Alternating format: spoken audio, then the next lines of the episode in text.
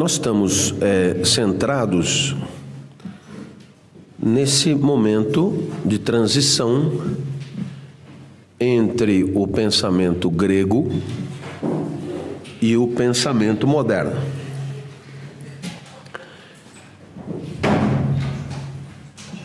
E entre o pensamento grego e o pensamento moderno, nós encontramos pensamento dos filósofos cristãos. Então, é, seria fundamental avançar na investigação da ruptura entre o pensamento grego e o pensamento cristão. E com base nessa ruptura, identificar essa nova ética. Por que isso é fundamental? Porque os pilares do pensamento cristão eles estão sempre presentes no entendimento de ética compartilhado pelo senso comum.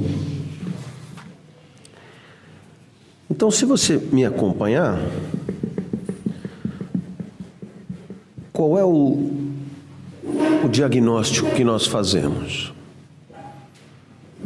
É, para os gregos, você tem três preocupações que estão imbricadas entre si. A primeira preocupação é a preocupação a respeito do conhecimento. Essa preocupação vai receber o nome de teorética. Ora, a pergunta inicial da teorética é: qual é o objeto do conhecimento? E a segunda pergunta é: qual é o procedimento para conhecer? Certo? Então, o que é que você diz do objeto do conhecimento?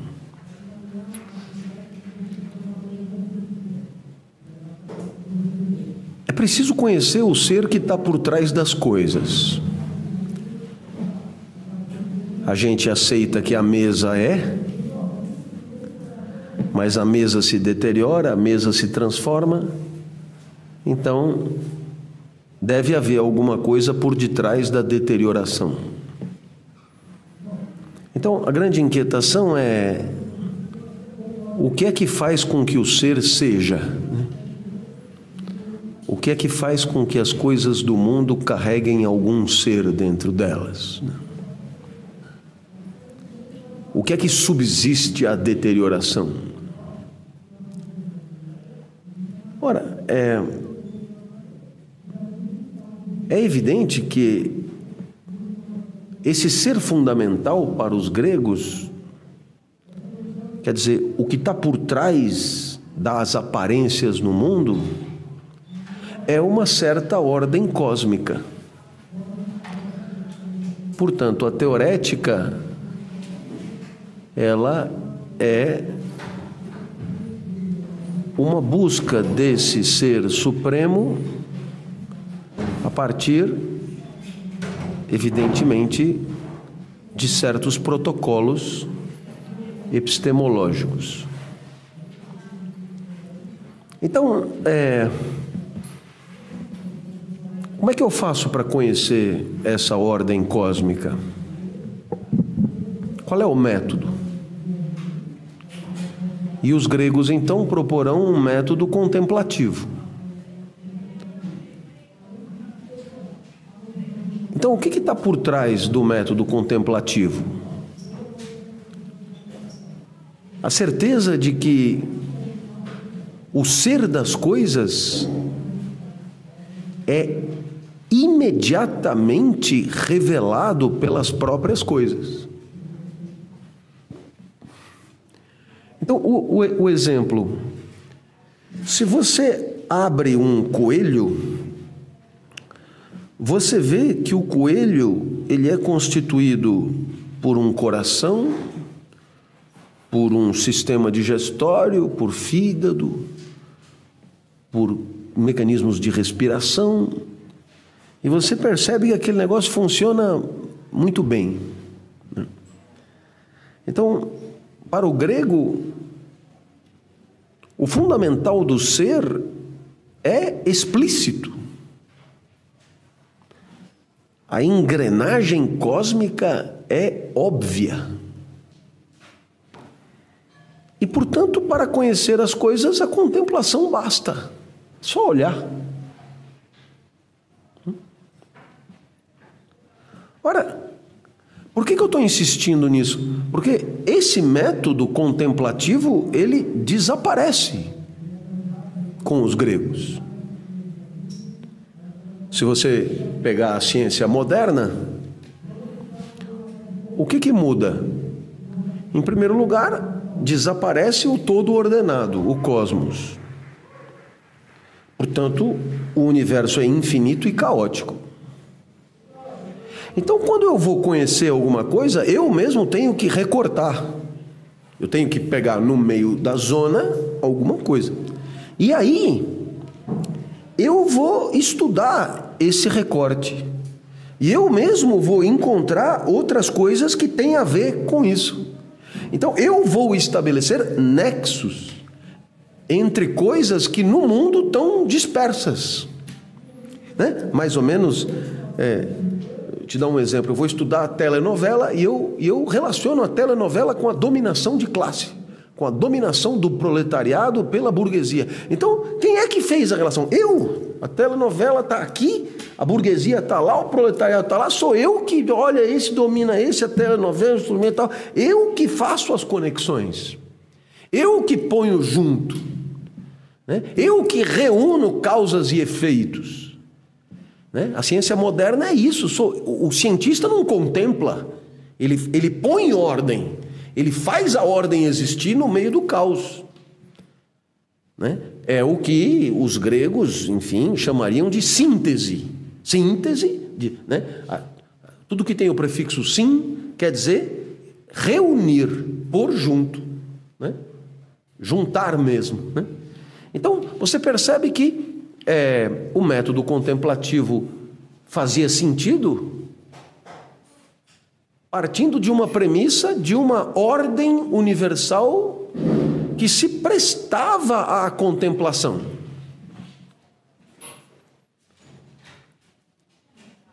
Ora, diante desse quadro teorético, a ética é uma ética de encaixe, de ajuste. A reflexão ética dos gregos é uma reflexão sobre a vida boa, e a vida boa entendida no seu pacote, e a vida boa terá sido boa se eu conseguir um encaixe na ordem cósmica. E como é que eu sei que eu consegui o um encaixe na ordem cósmica? Quando eu consegui o pleno desabrochar dos meus próprios talentos ou das minhas virtudes. Por quê? Porque se eu tenho talentos, é porque esses talentos eles estão alinhados com a minha existência no cosmos. Então, se eu vivo desrespeitando os meus talentos, eu estou vivendo em inadequação com o cosmos, o que é um horror para mim e para o cosmos. Então você percebe que existe uma ética de valor da vida, e essa ética de valor da vida é uma ética que é coerente com a teorética. É coerente. O mundo é uma ordem universal e como eu devo viver de acordo com a ordem universal. Ora, e qual seria a terceira preocupação clássica da filosofia? O belo. E naturalmente o belo para os gregos é um dado objetivo. É um dado objetivo. Quer dizer, é belo aquilo que parece com o cosmos. É, a obra de arte, ela é uma imitação pequena, né? Uma espécie de miniaturização do todo cósmico. É uma redução do todo cósmico. Então você percebe o que? Que entre a teorética, a ética e a teoria do belo existe um perfeito alinhamento, um perfeito, um perfeito ajuste, um perfeito, uma perfeita imbricação. Ora, o que acontece quando você passa para o pensamento cristão? Em primeiro lugar, o que, o que deve ser objeto do conhecimento não é mais o universo na sua ordem. E por que não? Porque isso não é o mais importante. Né? Se isso é o ser supremo, se isso é o ser que está por trás das coisas para os gregos, para os cristãos, não. Existe alguma coisa muito mais importante do que isso. E o que é muito mais importante do que a ordem das coisas? É o Criador dessa ordem. Então, naturalmente, o que é que há para ser conhecido? O que, que é o mais importante? É Deus. Deus. Então, claro, na hora que você estuda história, mas o historiador não tem culpa, ele é vítima. Né? Você fala, ah, a Idade Média é a idade das trevas. Ele só esquece de explicar por quê. Ah, porque de repente houve um desinteresse pelo conhecimento. Não, não é isso. Não é isso. É que a partir de agora, muito mais importante do que conhecer a beleza da ordem cósmica é conhecer o Criador da beleza da ordem cósmica. Então, diríamos, o objeto legítimo de investigação mudou. É, para o pensamento cristão, saber se o coelho tem fígado ou não tem fígado é uma descoberta menor. É muito mais importante conhecer o criador do coelho. Ora, na hora que eu mudo o objeto, o ser supremo que está por detrás das coisas, tudo bem? Então, na hora que eu mudo o objeto, eu tenho que mudar o método. Porque se tem uma coisa que não dá para fazer para conhecer Deus, é contemplar. Porque se tem uma característica de Deus é não se exibir à contemplação. O Deus cristão não aparece fácil. Ele apareceu aparentemente durante 33 anos, mas tirando isso, ele é bastante difícil de encontrar. Então a pergunta é: como é que eu faço para conhecer o novo objeto de estudo se ele não se presta à contemplação. Está me acompanhando? Então, é claro, a resposta é simples através de um outro método. Contemplativo não pode ser. E o método cristão, ele é profundamente dialógico. Dialógico por quê? Porque para conhecer Deus, o melhor jeito é conversar com Ele. Era bom conversar com ele quando ele era vivo, porque ele morava na esquina da 34 com a 43. Então é bem bacana. O que, que você tem que conhecer? O Ser Supremo. O que é o Ser Supremo? É Deus. E Deus mora na esquina da 44 43. Então, né, eu vou conhecer. Toque, toque, toque. Oh, muito prazer, tal. Quero conversar com você, etc. Tal. Facilitou pra caramba. Agora, o problema é que ele morreu. Morreu, pelo menos enquanto, enquanto habitante da, da, da, da 34 com a 43. Ele morreu. Então, a partir daí, eu preciso dialogar com Deus de outro jeito. Então, esse diálogo é marcado por uma comunicação em duas vias. A primeira via é você falando. E quando você fala com Deus, o pensamento cristão tem um nome para isso, que é oração. Certo? Você reza. O que é a oração? A oração é toda iniciativa de comunicação com um Deus transcendente aos moldes do Deus cristão, uma oração. Agora, por se tratar de um diálogo, Deus responde. E aí você tem um segundo problema. Você percebe que os problemas do pensamento cristão não são os mesmos problemas do pensamento grego. Né? Porque agora eu tenho que responder a uma pergunta: como é que Deus se manifesta? Então, naturalmente, é, como Deus não está encontrável fisicamente, não é um corpo que fala, as manifestações de Deus são necessariamente manifestações indiretas. Bom, ótimo. Então, tudo que. É, é, Deus se manifesta através das coisas que acontecem. Bom, ótimo. Então a pergunta é: será que Deus se manifesta através de todas as coisas que acontecem? Então alguém logo responde: não deve ser. Por quê? Porque as coisas acontecem em sentidos contraditórios, muitas vezes.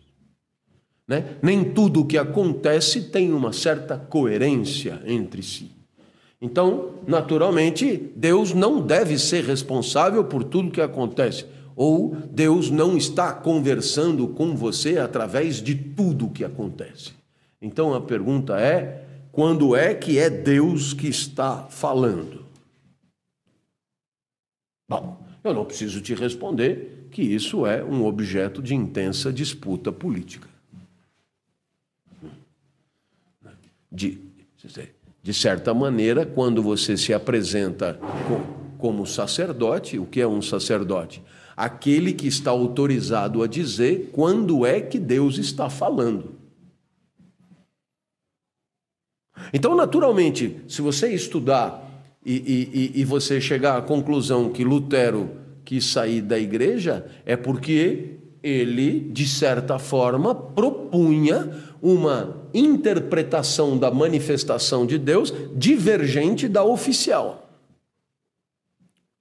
Então, esse é o primeiro problema. Quando é que Deus se manifesta?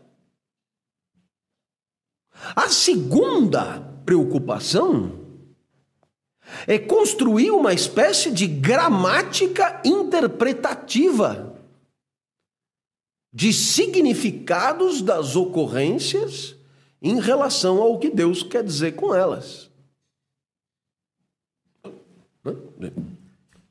Um vulcão eclode.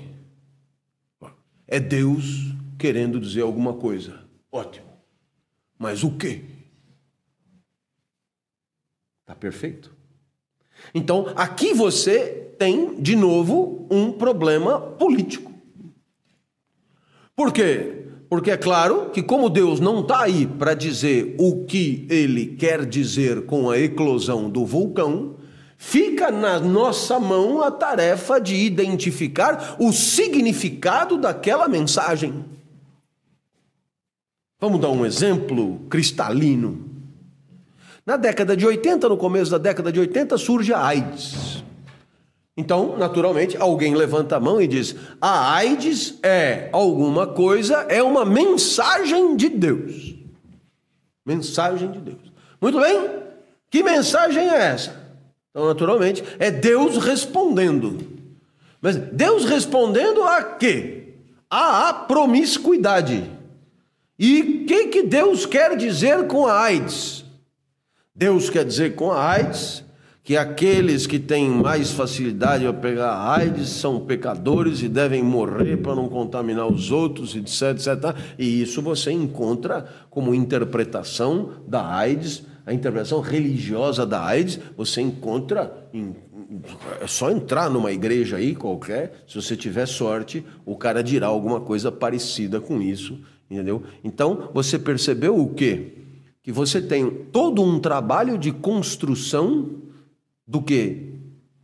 Da vontade de Deus, dos desígnios de Deus, da interpretação de Deus, a partir do que acontece. Se você abrir o JJ Soares, é JJ? RR. Eu sabia que eram duas letras iguais, mas é o RR Soares. Você pode perceber que não há nenhum programa que ele não diga alguma coisa do tipo: e o que é que Deus está querendo dizer? Ele pergunta, e ele mesmo responde: Claro que Deus está querendo dizer que os ímpios morrerão queimados e açoitados.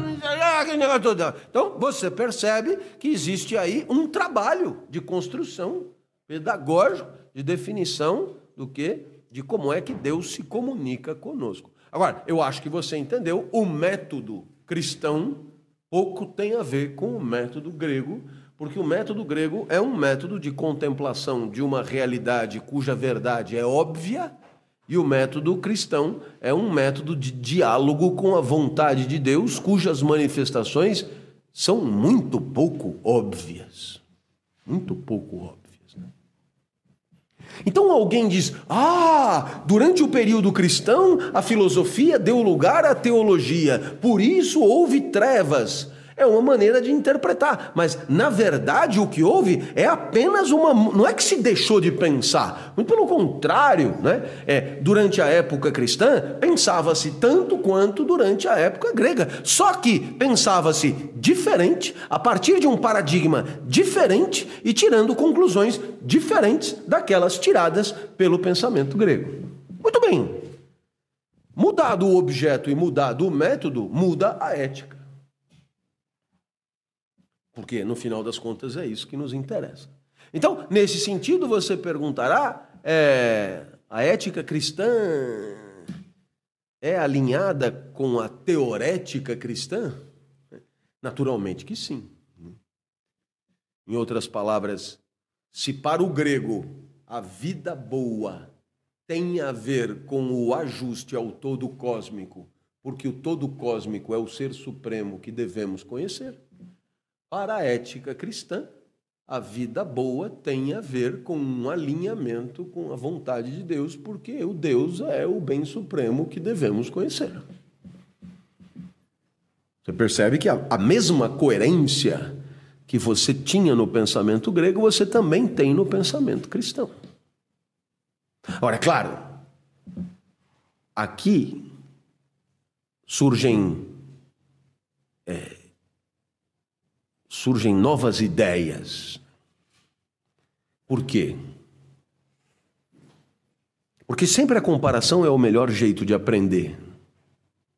Você pergunta para um grego: o que, que a vida tem que ter para ser boa? Resposta: é preciso que haja um pleno desabrochar dos próprios talentos.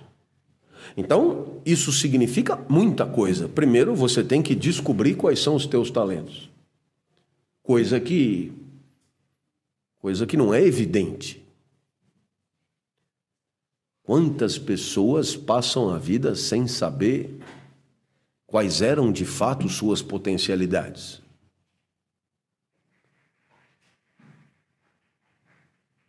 E a segunda coisa é conseguir viver uma vida capaz de permitir o desabrochar desses talentos. Porque você pode descobrir qual é o teu talento, mas não conseguir viver uma vida adaptada ao seu pleno desabrochar.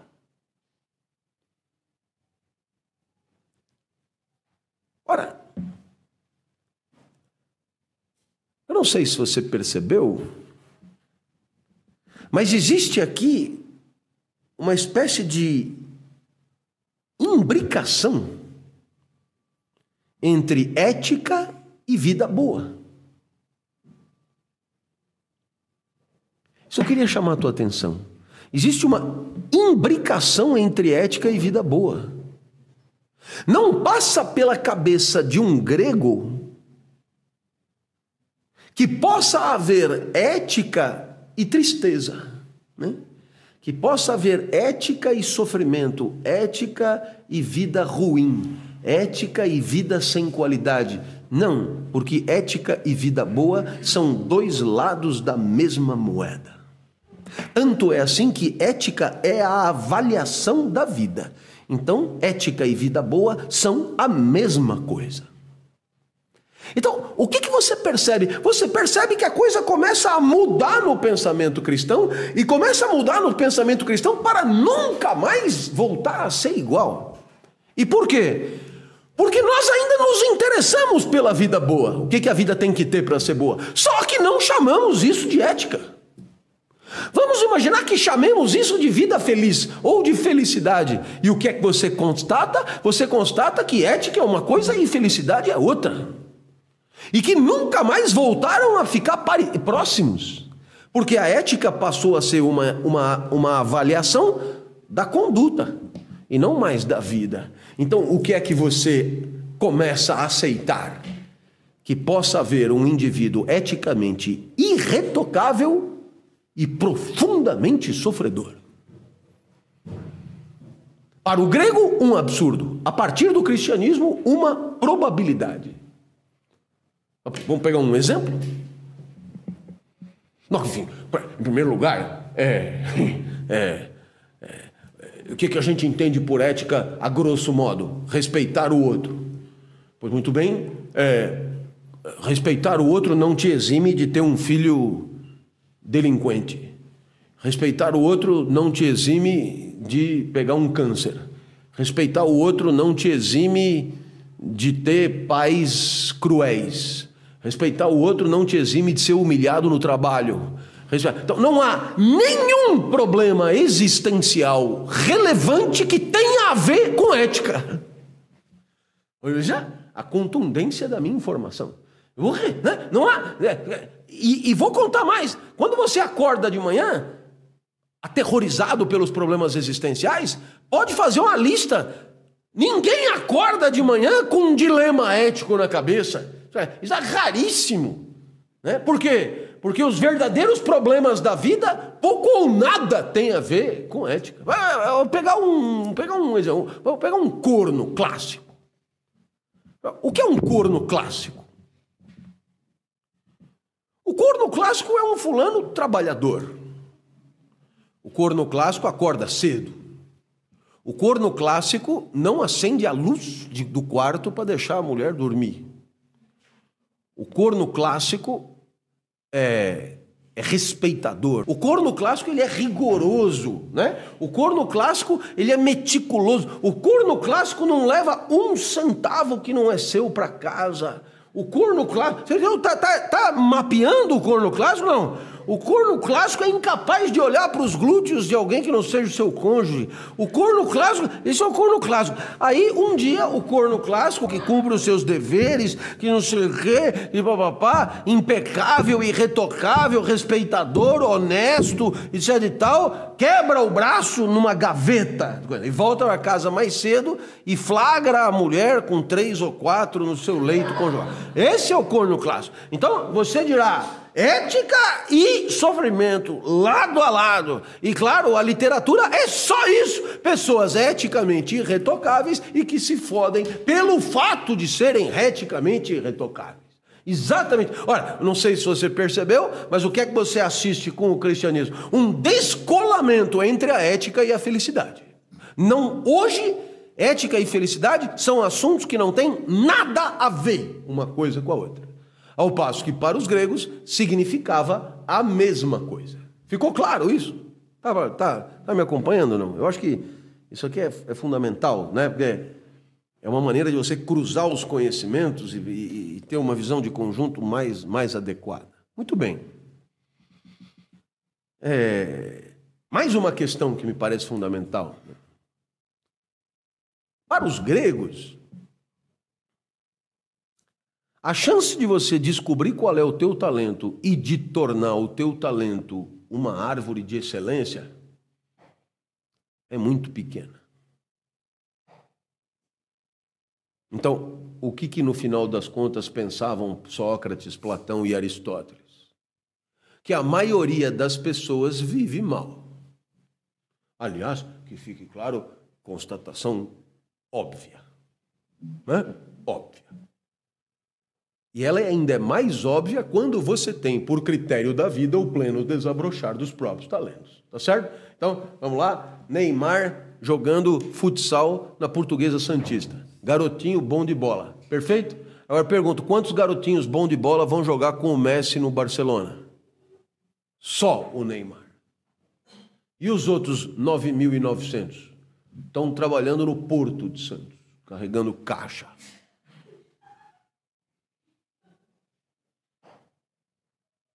É gozado como você vê graça onde não tem. Eu não sei se. Não, é, que, é que dar aula na quinta-feira tem essa vantagem. Né? Você, você vê graça onde não tem. Né? É.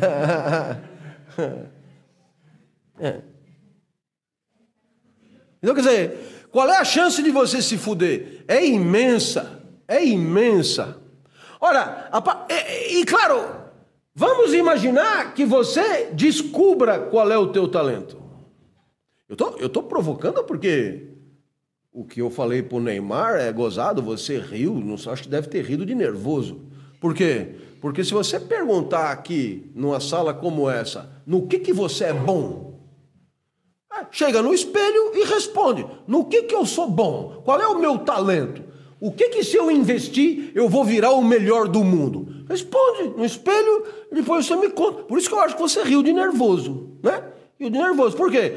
Porque a chance de você passar a vida sem ter a mais puta ideia de qual é o teu talento é enorme. Do Neymar até a USP. Não é um problema de. Né? Eu falei de carregar caixa no porto, mas trabalhar na Nestlé ou na Unilever como estagiário é igual ou pior. Certo? Quer dizer, eu vou fazer o, o que aparecer. Eu vejo aí, o que tiver cartaz no corredor, eu vou ver se dá para eu entrar. Alright chegar lá e dizer, ah, mas isso não tem a ver com o meu talento. O cara ri na sua cara. Eu não perguntei nada. Né? Isso aqui, o que importa é preencher a minha função. Se é a tua vocação, a tua virtude, né? isso não tem nada a ver. Então, espero que você tenha percebido que para os gregos a chance de encontrar o talento é remota. Agora, mais remota ainda é a chance de encontrar o talento e conseguir viver uma vida capaz de desabrochá-los. É, é, é, mosca branca. Uma raridade. Por quê? Porque as pessoas têm mais o que fazer, elas precisam trabalhar, elas precisam sustentar a mãe, elas precisam sustentar a casa, elas precisam ser elas precisam ser, elas precisam ser, Em outras palavras, elas precisam tanta coisa que elas não podem se dar o luxo de investir nas suas próprias virtudes. Isso acontecia com os gregos e acontece hoje. É a mesma coisa. Então, o que dirá um grego, para você conseguir desenvolver os talentos que estão os teus, não dá para começar muito de baixo. É preciso já ter meio que ser bem nascido é preciso que já, já ter começado mais ou menos, é preciso entendeu? ter estofo atrás. Porque se você for flautista, entendeu? E tiver que sustentar três irmãos, vai, não vai ser fácil no começo. Não vai ser fácil. Então, bom. Ora, tudo, toda essa dificuldade nos permite concluir aquilo que é um passo-chave do pensamento grego e sobre o qual eu já insisti muitas vezes. Para os gregos, as pessoas não valem a mesma coisa. Existe uma hierarquia entre elas. E, portanto, ser escravo é uma solução óbvia. Quando você é Neymar carregando caixa no porto. Aliás, vamos e venhamos, quem carrega caixa no porto não é escravo porque recebe um saláriozinho, mas enfim, muito parecido viverão. Né? né? Então, em outras palavras, o fato de você viver mal não é exatamente uma aberração, por quê? Porque probabilisticamente a chance de você viver mal é imensa. É imensa. E quem é que vai viver bem? Dois ou três. E o que é viver bem? É desenvolver as suas potencialidades, sejam elas quais forem. Muito bem. Aqui, claro, com o pensamento cristão, tudo muda. Tudo muda por quê?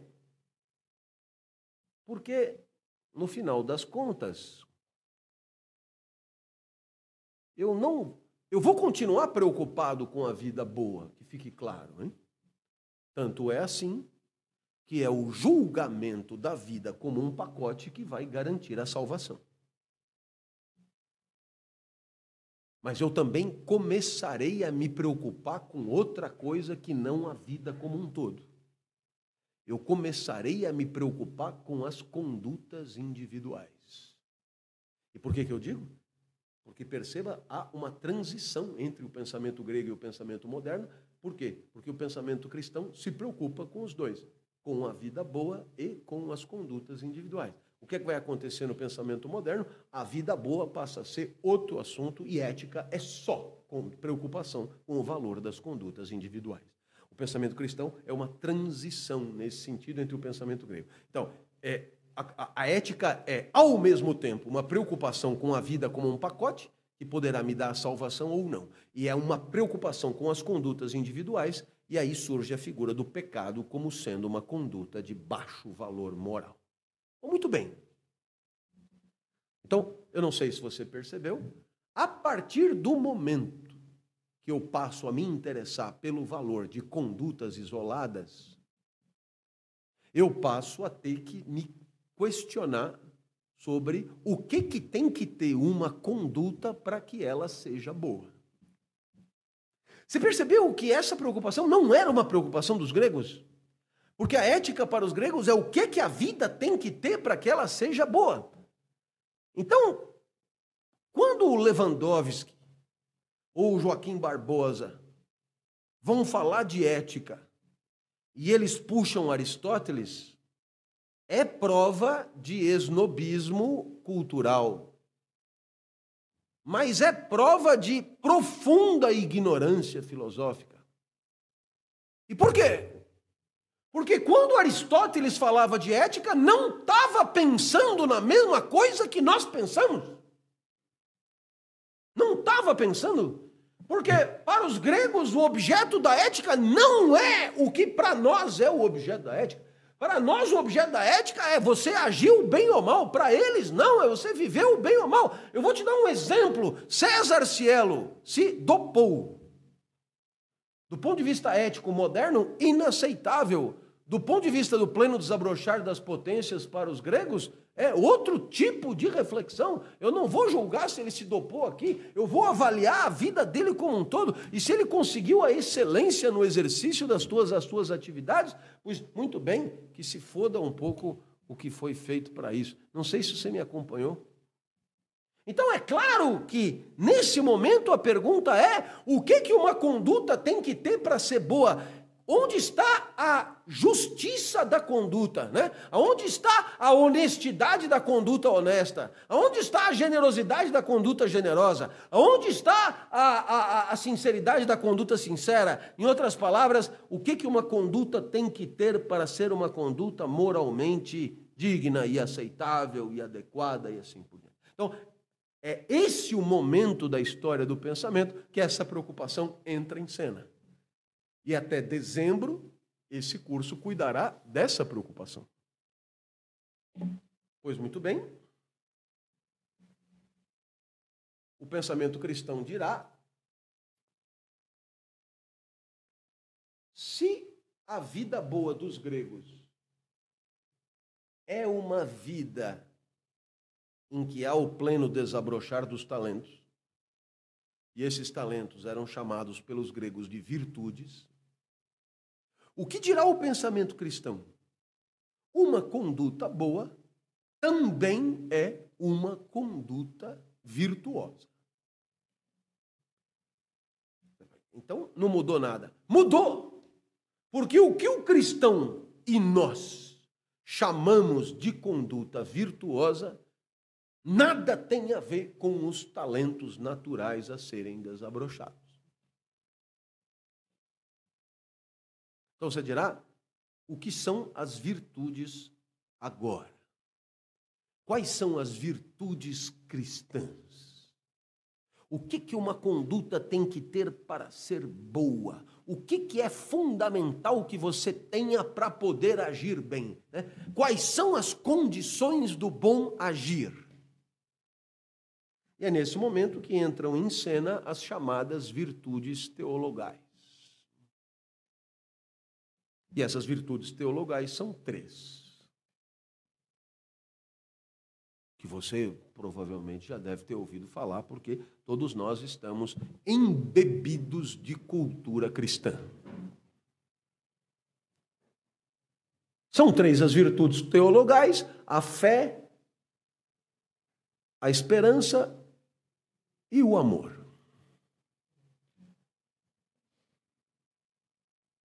No final das contas, o que, que eu estou querendo dizer com isso? Que para que você possa agir bem e viver bem, é preciso que você tenha fé, esperança e amor. Muito bem. Uma análise rápida de cada uma das três virtudes. O que é a fé? Ora, antes de mais nada, é preciso deixar claro que a fé é uma virtude cognitiva, como se diz. A fé é uma virtude de conhecimento. A fé, portanto, é uma virtude que tem a ver com o que você pensa das coisas. Certo? Então, de certa maneira, o que é que o pensamento cristão está te dizendo? Que para você agir bem, você tem que ter algum tipo de conhecimento. Porque a fé é uma certeza. E uma certeza é um conhecimento que tomamos por verdadeiro. Certo? Tá? É muito importante que isso fique claro. Né? Fé é certeza. E certeza é alguma coisa que consideramos verdadeira. Agora, é claro, a fé é um tipo de conhecimento específico.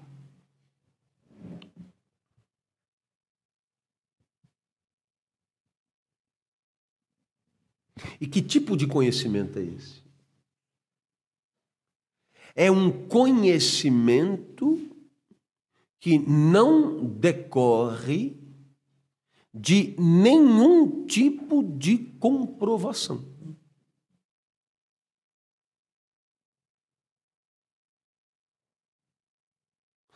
Por quê?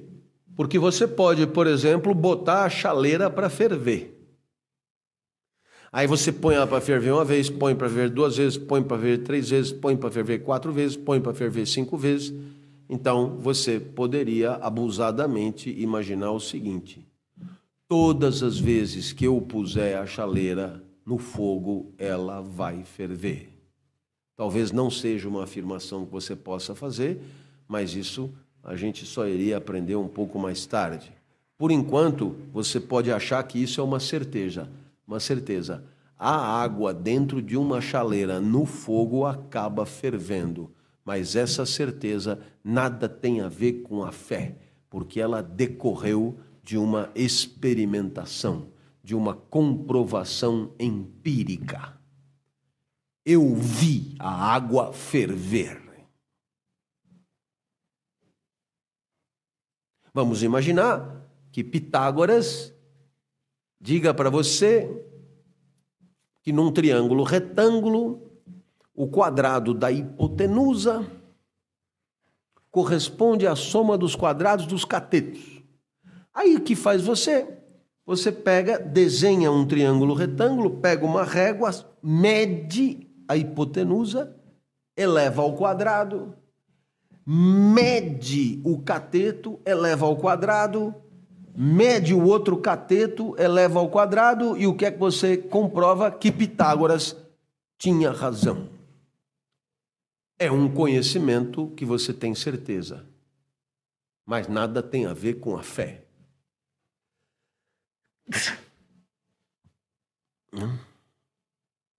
Vamos imaginar pior. Vamos imaginar algum tipo de teorema estritamente numérico, que você não mede nada, você não põe a água para ferver, você nada, é só na na na álgebra mesmo. E aí você tem certeza que aquilo é daquele jeito. Muito bem, você percebe que você pode ter um milhão de certezas que decorrem de uma demonstração. Do tipo silogismo. Se Joaquim é inteligente e Joaquim é português, então há português inteligente. Alguma coisa assim. Ora, a fé não é nenhum tipo de certeza desse tipo. Por quê? Porque a fé é uma certeza que não decorre nem de uma demonstração empírica, nem de uma demonstração matemática, nem de uma demonstração filosófico-silogística, nada disso. A fé é uma certeza a respeito de algo sem nenhum tipo de demonstração. Muito bem? Então você perguntará qual é o objeto desta fé? Claro, aquilo que não se presta mesmo à demonstração. Já não se prestava à contemplação, agora não se presta à demonstração. É a existência de Deus. Deus existe. Por quê? Eu tenho certeza. Prove, não escapa a qualquer demonstração.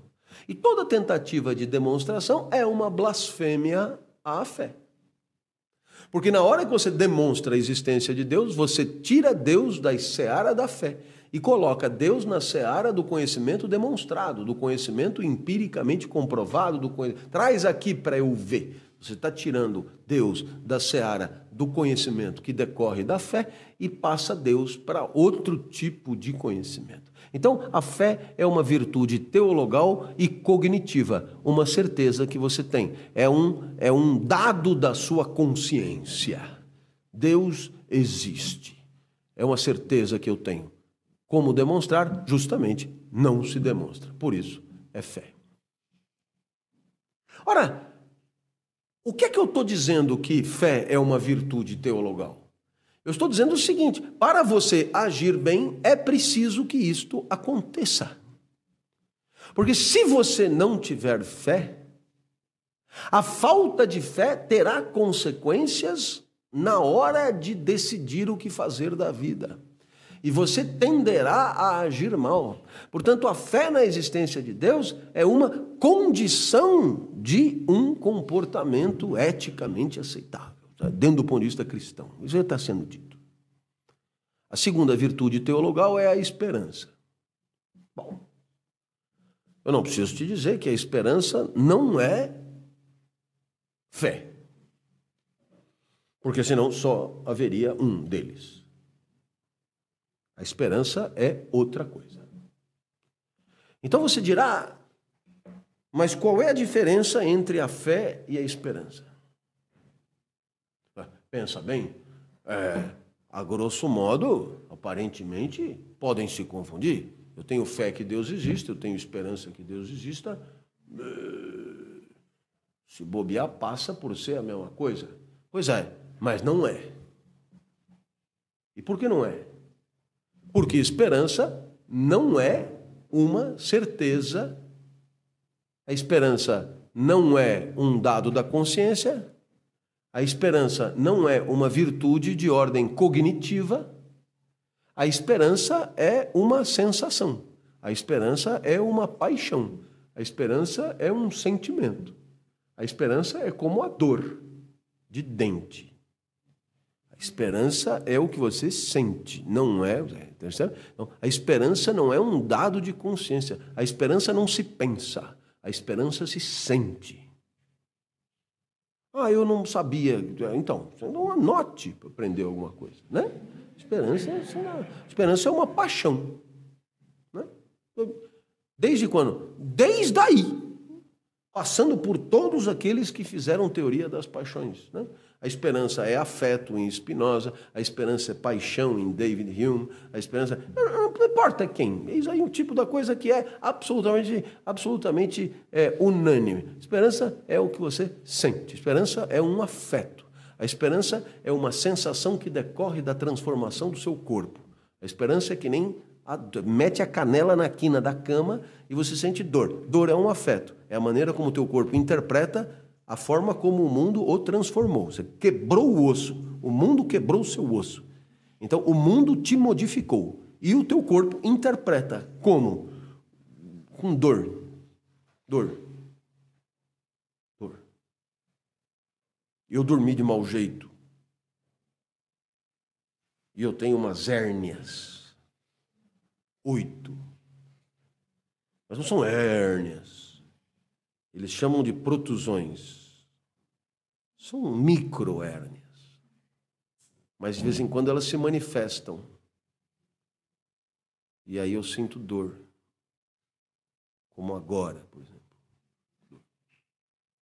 Então o meu corpo está interpretando. Eu dormi sentado. Eu dormi sentado porque eu peguei no sono sentado.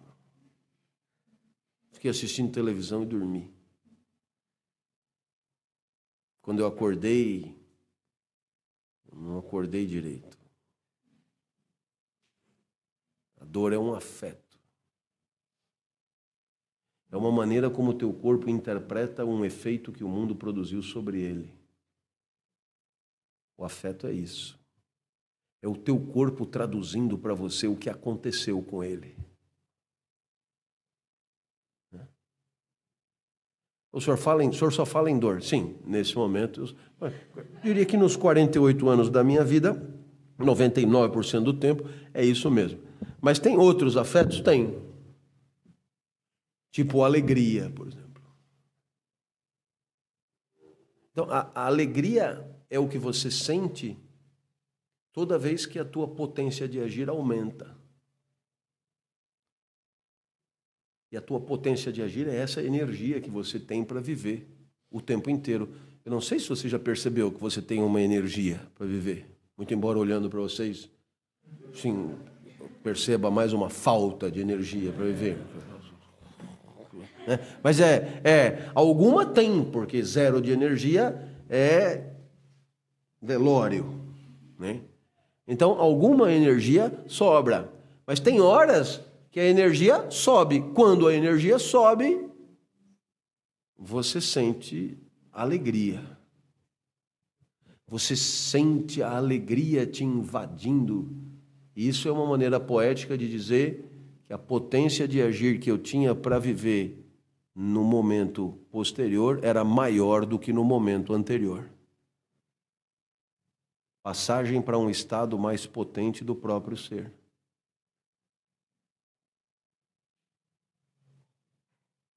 Bom, muito bem. Se a dor, você sabe que a dor nada mais é do que queda de potência de agir setorizada, né?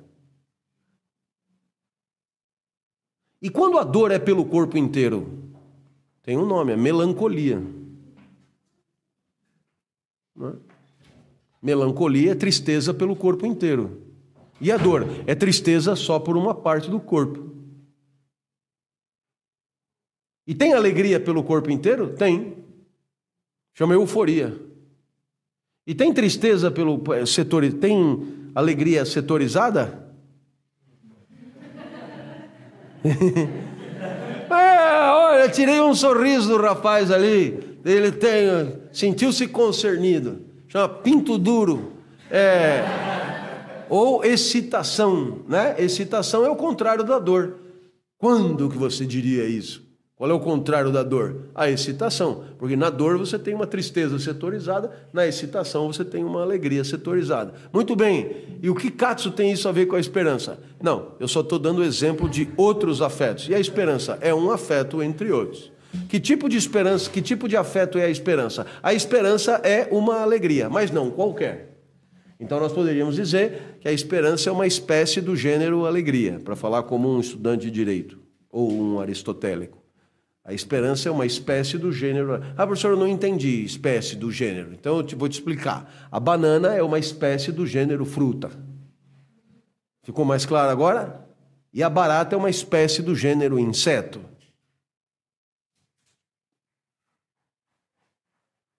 Obrigado.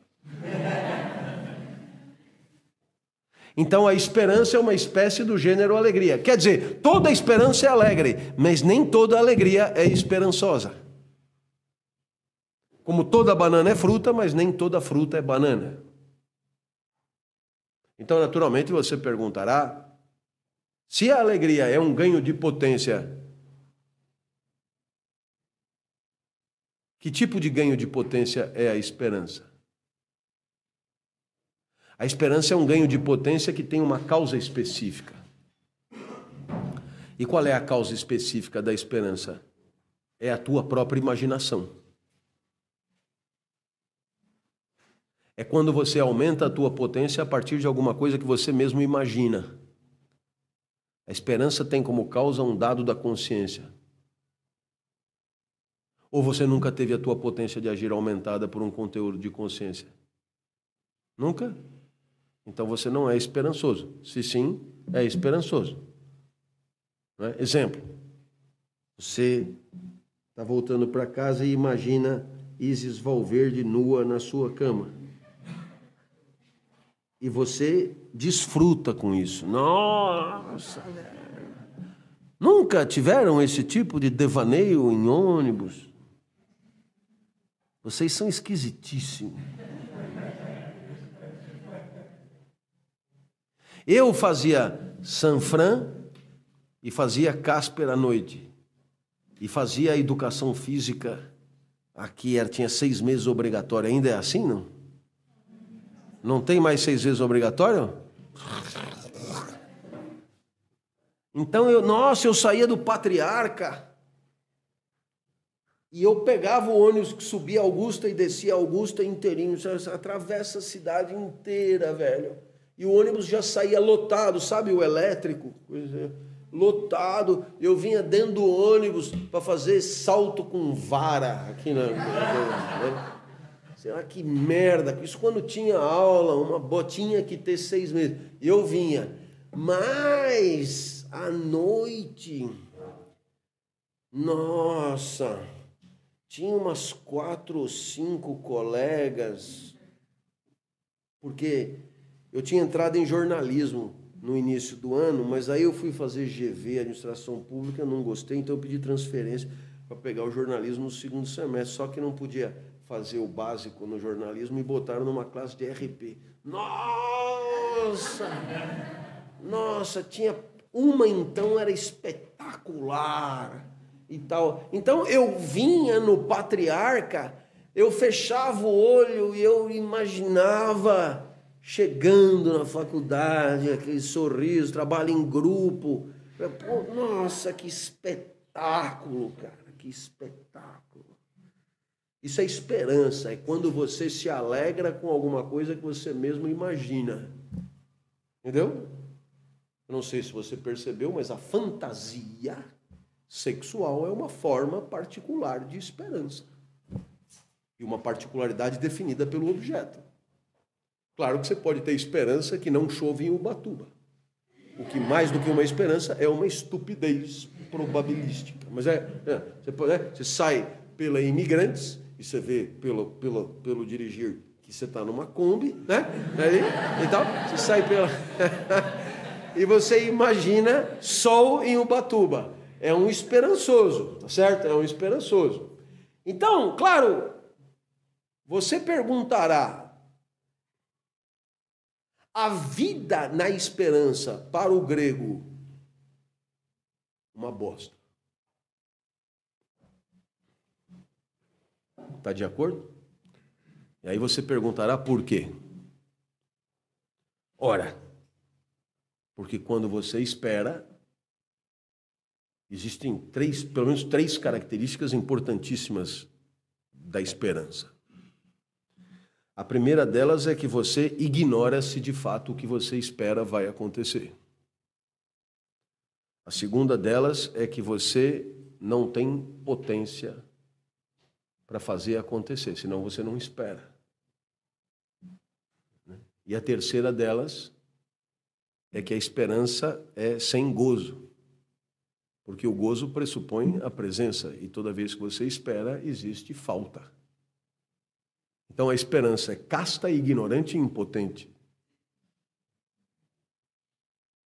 Por isso Sêneca dirá: lamente um pouco menos. Em outras palavras, se a vida foi ruim no passado, trate de esquecer, porque já foi. Espere um pouco menos, porque isso de ficar esperando acontecer radicalize, radicalize. E imagine uma vida exclusivamente esperançosa. Já entendeu ou não?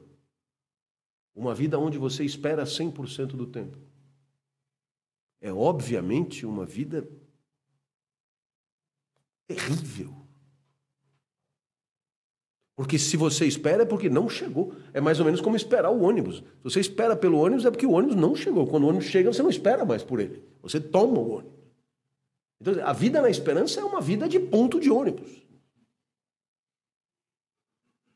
É a vida de Gustavo, o nome do herói de O Amor nos Tempos do Cólera. Florentino Arissa. É a vida de Florentino Arissa, 70 anos esperando por Firmina Daça. Foram 50? Ah, mas 50, 70 faz muito mais farol. É, 70, foda-se, né? Porque. É, 70 anos esperando. E quando ele vai comer Firmina Daça, Firmina Daça já é assim um poço de ruga, um negócio medonho, frouxo, flácido, sem tonos, despencante, medonho. Então eu não sei se você percebeu que a, a, a, o Sêneca lamente um pouco menos, espere um pouco menos e ame um pouco mais. Eu não sei se você percebeu, mas nessa frase você tem duas das três virtudes teologais.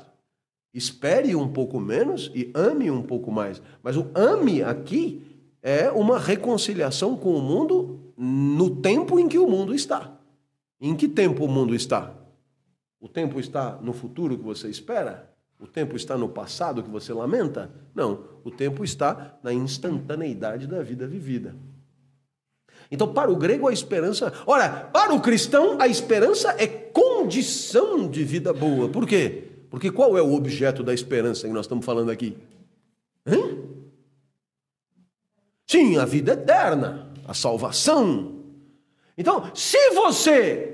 Veja bem, o que, que eu estou dizendo que a esperança é uma virtude teologal?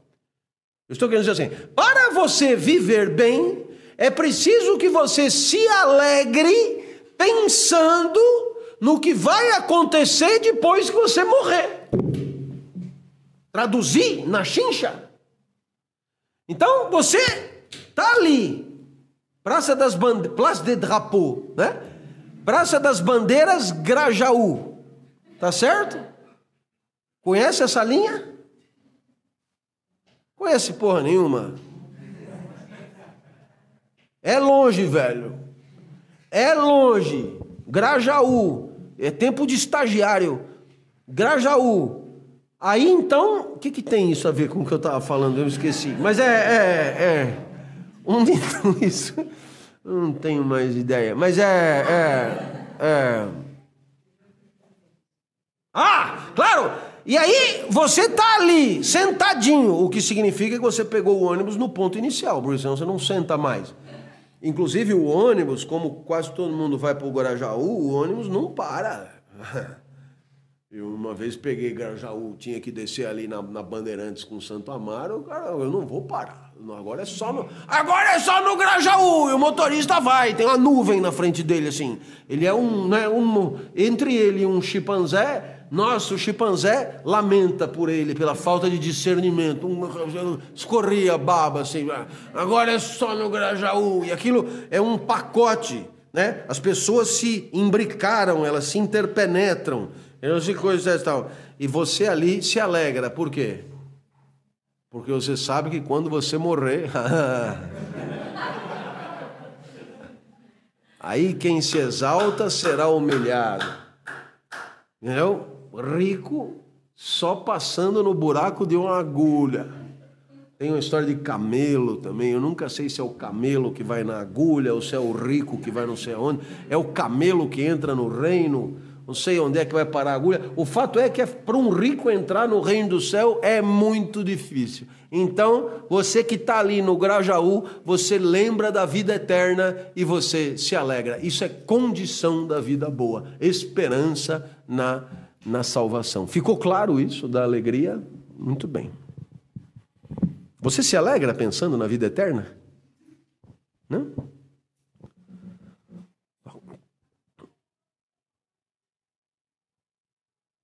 Tá claro. É claro que é, é, isso tem consequências enormes, porque é, vamos imaginar que morra alguém muito próximo. Já morreu alguém muito próximo? Nem isso acontece com vocês? Que gente mais sem graça. Quando morre alguém muito próximo, o que diz o cristão? Alegria. Está na vida eterna, está na eternidade, está tá de boa e está te esperando. E mais dois, três segundos, porque como é eternidade, isso aqui que nós vamos viver, você vai estar tá junto. Alegria, passa batido, passa o rodo. Você quer ver consequências maiores disso? O que é que diz um grego sobre relacionamento entre pessoas, ou entre pessoas e coisas, ou entre pessoas e o resto do mundo? O que diz o pensamento grego dominante? Evite se apegar. Evite o apego. Por quê? Porque quando você se apega, você se apega a alguma coisa que se deteriora instante a instante. Não é só que a gente pensa, né? Bom, vai morrer daqui 80 anos, então vale a pena eu me apegar agora, eu, né? depois eu sofro mais para frente. Não, as pessoas estão em transformação ininterrupta. Aquilo que você, pelo que você se apegou agora, amanhã já é outra coisa. É banana na fruteira. Amanhã é outra coisa. Então, tinha até um deles que recomendava você dizer, eu acho que era Sêneca de novo, ou era Epicteto agora. Ele dizia: quando você for se despedir do seu filho, diga: essa talvez seja a última vez que eu te veja.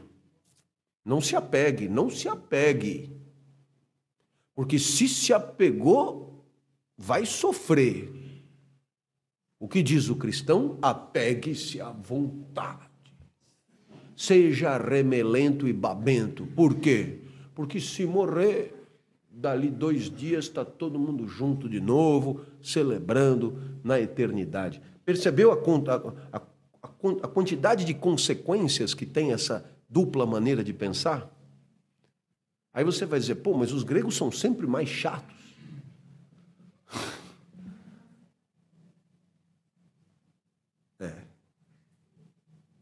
Esse é o problema.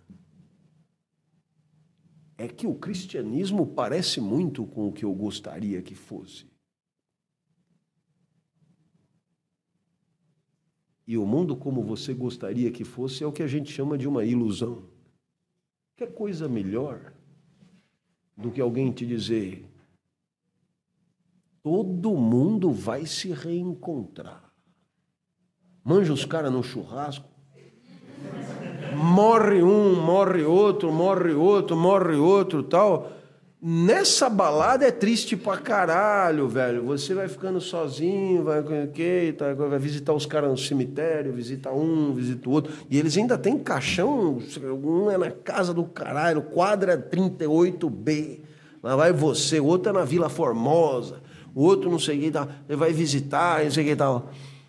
Porra, é bem legal você imaginar que depois de uma certa hora vai estar todo mundo junto no churrascão de novo e tal e coisa. É bem bacana. É tão bacana.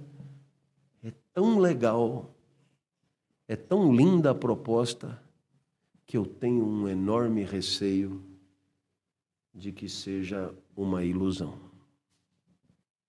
E que talvez os gregos tenham chegado mais próximo das coisas como elas são. Hum?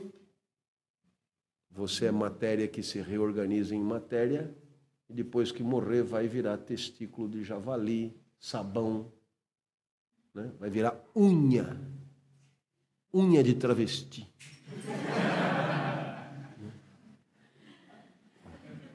É uma maneira de eternidade. Ganhei a eternidade, parte de mim virou unha de travesti. Né? Verruga.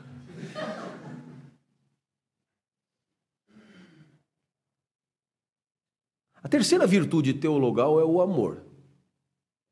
E é claro que o amor, os católicos traduzem por ágape, por caridade, o que ainda piora um pouco. E para você entender o amor, é,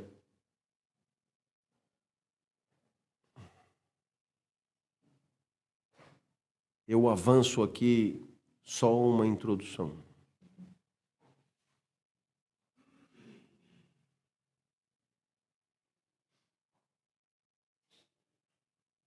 E antes de dar essa introdução, eu queria lembrar o seguinte: é, não sei bem o que está sendo decidido aí. É. Bom, independentemente disso, quinta-feira eu estou aí. Agora, é claro, se não tiver ninguém, não tem ninguém procurarei respeitar a decisão que for tomada pela maioria aí, mas gostaria muito de dar aula quinta-feira que vem. Não sei se me entendeu.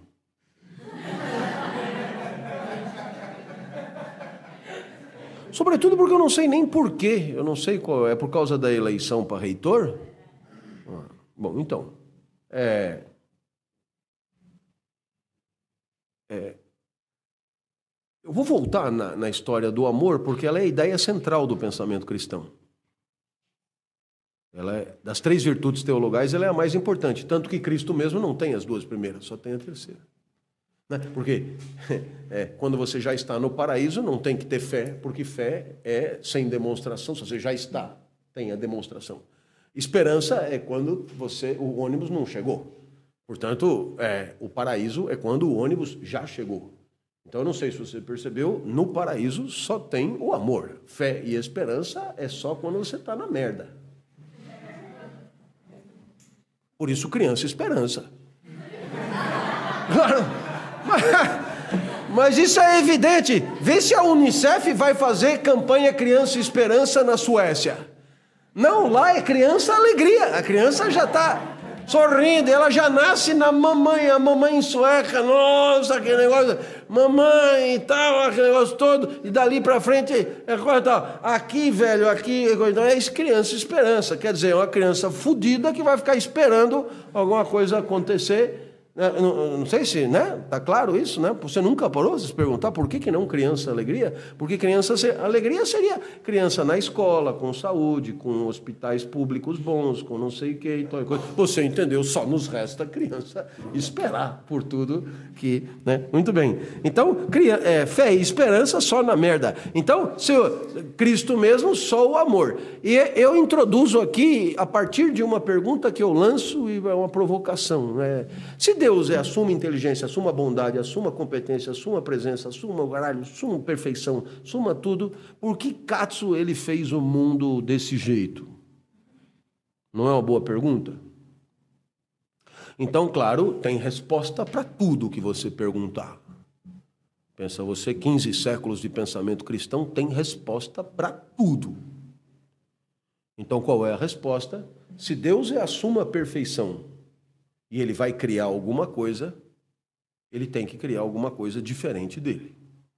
Porque senão ele não cria nada a não ser uma extensão dele próprio. Ora, para criar alguma coisa diferente da suma perfeição, só pode ser uma coisa imperfeita.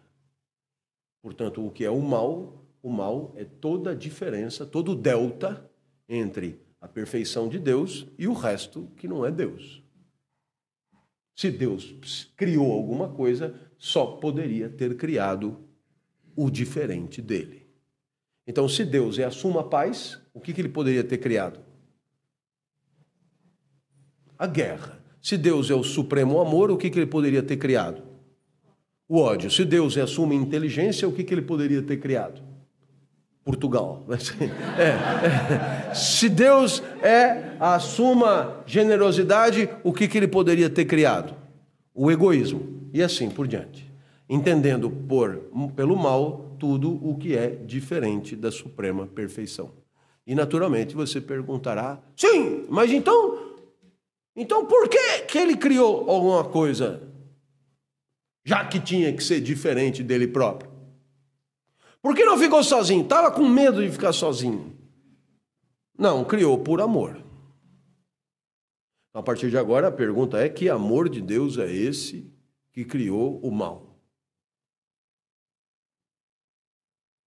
Então, a resposta que eu te dou agora é o início de uma longa digressão sobre o amor, ágape, que nós faremos no nosso próximo encontro.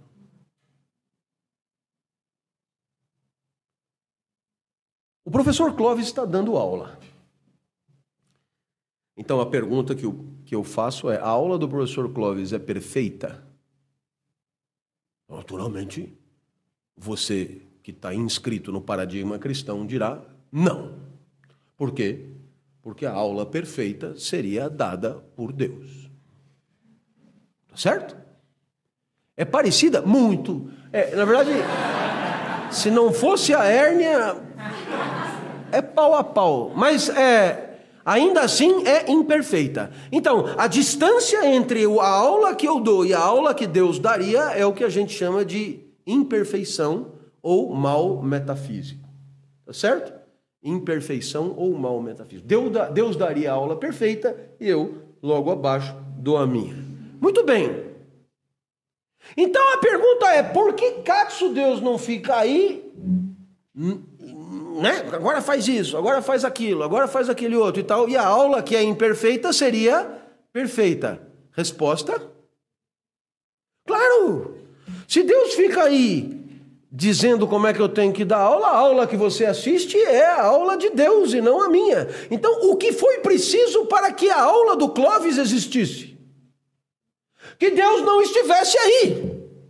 Então, o, o amor de Deus é um amor de recuo. Para que eu possa existir, Deus teve que se mancar. Para que a minha, para que eu possa existir como professor, é sinal que Deus não é o professor. Então, para que você possa existir como você, é preciso que Deus tenha deixado você existir como você. E por isso, por mais que ele gostasse que você fosse parecido com ele, ele deixou você ser como você é. E você só é como você é pelo amor de Deus. Deus que te ama te deixa ser como você é. A distância entre você e Deus é o mal. Pirueta fudida. Claro, porque se só existisse o bem, só haveria Deus. E você? Você não seria você, seria Deus. E tudo seria Deus e não haveria mundo, só existiria Deus. Para haver mundo tem que ser diferente, portanto tem que ser imperfeito, portanto o mal tem que existir, já que Deus é o supremo bem.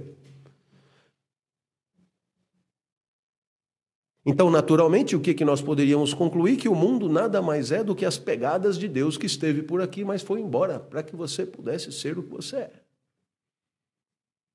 Essa ideia de um Deus que se retira Essa ideia de um amor de retirada, de um amor de recuo, de um amor em que, em que você sai para o outro ocupar o espaço, é a ideia central do amor de Deus, ou ágape. Então, qual é o nosso objetivo agora? É mostrar como é que essa ideia pode estar presente no amor entre os homens. Essa é a primeira coisa. E segundo, mostrar como é que esse amor agapiano entre os homens deu origem à filosofia moral moderna. Porque toda a construção filosófica de Kant tem por fundamento o amor ágape entre os homens. É a moral do desinteresse. Deus se retirou. É, é, procure me entender, hein? Deus mais o mundo é menos do que só Deus. Tá claro isso? Deus mais você é pior do que só Deus. Você piora Deus. Mas então por que que Deus que tudo pode não faz você ser, porque aí você não seria você, você seria ele próprio. Para você ser você, ele teve que aceitar esta redução. E você quem é? Você é aquele que estraga. Aliás, olhe no espelho. Você é é, é o cravo do doce de abóbora, né? É, você é a parte do chulé. Você é o que atrapalha. Se não fosse você, Deus estaria impávido na sua perfeição. Mas tem você. E Deus aguenta você. Por quê? Porque Ele te ama. Eu, por exemplo, meu filho. Meu filho trabalha com marketing. É amor de Deus. Eu, eu, eu, eu deixei ele estudar marketing. Entendeu? Eu me retirei para ele poder existir. Marketing. Marketing. Marketing. Eu tive que recuar. Eu tive que fingir que não estava vendo. Eu tive que, nossa, dá uma de Deus. Eu fechei assim, vá, exista por você. Ímpio marqueteiro, vá, vá. Infame, infeliz, vá trabalhar na Unilever. Vá bater continência para o capital vá ser lacaio de capatazes capitalistas, vá ser você. E eu recuei para que ele pudesse existir como ele. Ficou claro?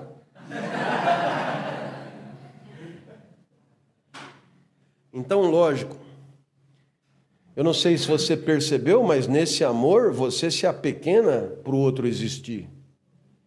E essa é a ideia central de uma forma de relacionamento que vai dar origem aos princípios morais que vão ser consagrados ao longo da modernidade. Mas eu só posso começar isso depois. Tá bom? Muito bem. Eu não comecei ainda a olhar. Todos fizeram as provas, todo mundo que tinha que fazer prova fez prova. Gostaram de ler os textos? Você não? Então me procure depois para fazer isso, para não ficar sem nota, tá certo? Gostaram de ler os textos que leram?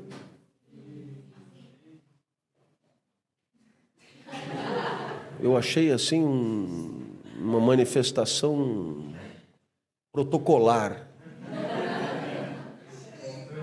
quase cínica. Sim. Né? Quem, quem viu o capitalismo é moral? Quem fez o Edgar Morin? Quem fez Aprender a Viver? Gostaram do livro? Gostaram do livro? Quem fez A Vida que Vale a Pena Ser Vivida? Quem fez Grandes Questões da Humanidade? Quem fez Ética para o Meu Filho? Ética para o Meu Filho. Gostaram do livro? Sim? Ah, mas então quem foi que não gostou? Quem não gostou pode levantar a mão. Eu sou movido por ágape. Não passará de ano, mas não tem problema. É uma maneira de. No ano que vem você escolhe outro livro. Então, beleza. A gente se vê quinta que vem. Ah, se tiver aula, evidente.